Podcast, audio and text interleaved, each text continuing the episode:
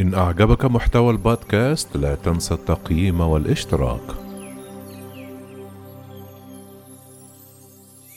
محاكمة الشرطي المتهم بقتل جورج فلويد تبدأ اليوم.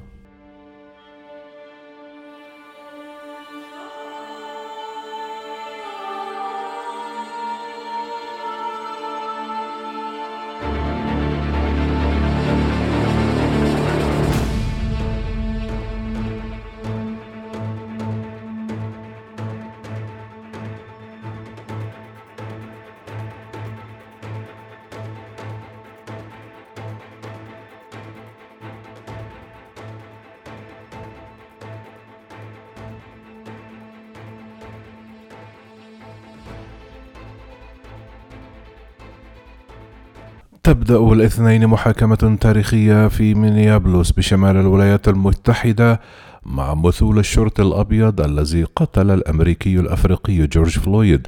في الخامس والعشرون من أيار مايو المنصرم في جريمة أشعلت حركة احتجاج ضد العنصرية لم تقتصر على الولايات المتحدة الأمريكية فقط بل عمت العالم بأسره. تبدأ المحاكمة في الساعة الثامنة وسط ترقب شديد باختيار أعضاء هيئة المحلفين غير أن مناقشات أخيرة حول التوصيف الدقيق للاتهامات الموجهة إلى ديريك شوفن قد تؤخر العملية. البالغ من العمر 44 عاما قضي منها 19 في صفوف الشرطة في مينيابلوس متهم في الوقت الحاضر بالقتل غير العمد وسيمثل أمام المحكمة حرا بعدما أطلق سراحه بكفالة. وتدخل شوف مع ثلاثة من زملائه الشرطيين في الخامس والعشرون من أيار مايو لتوقيف جورج فلويد للاشتباه باستخدامه ورقة مالية مزورة بقيمة عشرون دولار لشراء علبة سجائر وبقي شوف راقعا على عنق جورج فلويد الممدد أرضا على بطنه مكبل اليدين على مدى تسعة دقائق طويلة لم يأبه خلالها لتوسل الأربعيني الأسود ونداءاته المتكررة.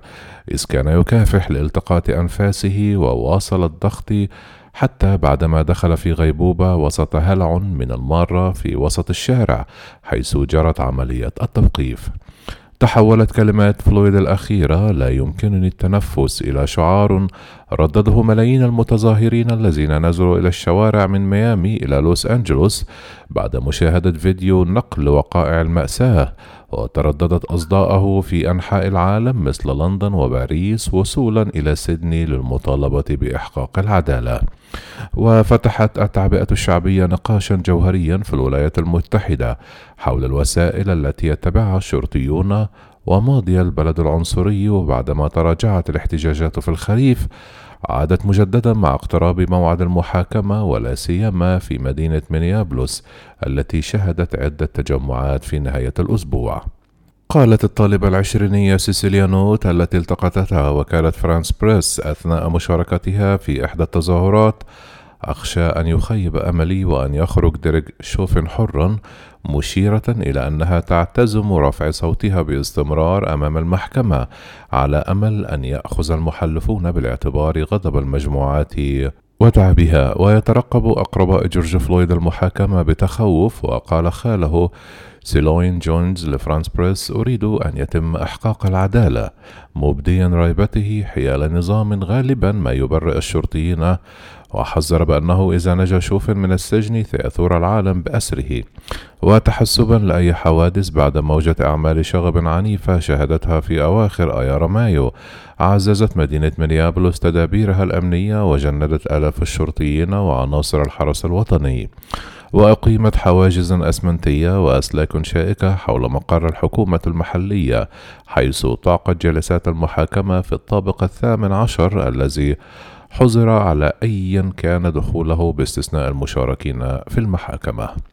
وبعد تخصيص الأسابيع الثلاثة الأولى لاختيار أعداء هيئة المحلفين تدخل المحاكمة في صلب القضية.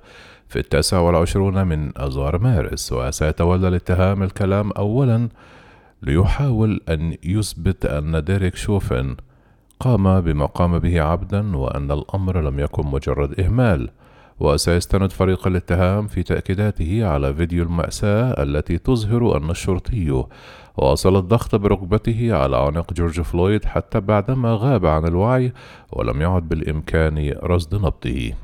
من جهته سيؤكد الدفاع أن ديريك شوفن تصرف طبقا للتدريب الذي تلقاه وأن فلويد توفي جراء جرعة زائدة من مسكن فينتانيل وكشفت عمليات تشريح الجثة أن جورج فلويد استهلك هذه المادة المخدرة الأفيونية لكنها خلصت إلى أن سبب الوفاة كان الضغط الممارس على عنقه. وينسحب المحلفون لإجراء مداولاتهم في النصف الثاني من نيسان إبريل على أن يصدر الحكم بإجماع الأعضاء الاثنى عشر. أما الشرطيين الثلاثة الضالعين في المأساة ألكسندر كونغ وتوماس لايو وتوتاو فسيحاكمون معا في آب أغسطس القادم.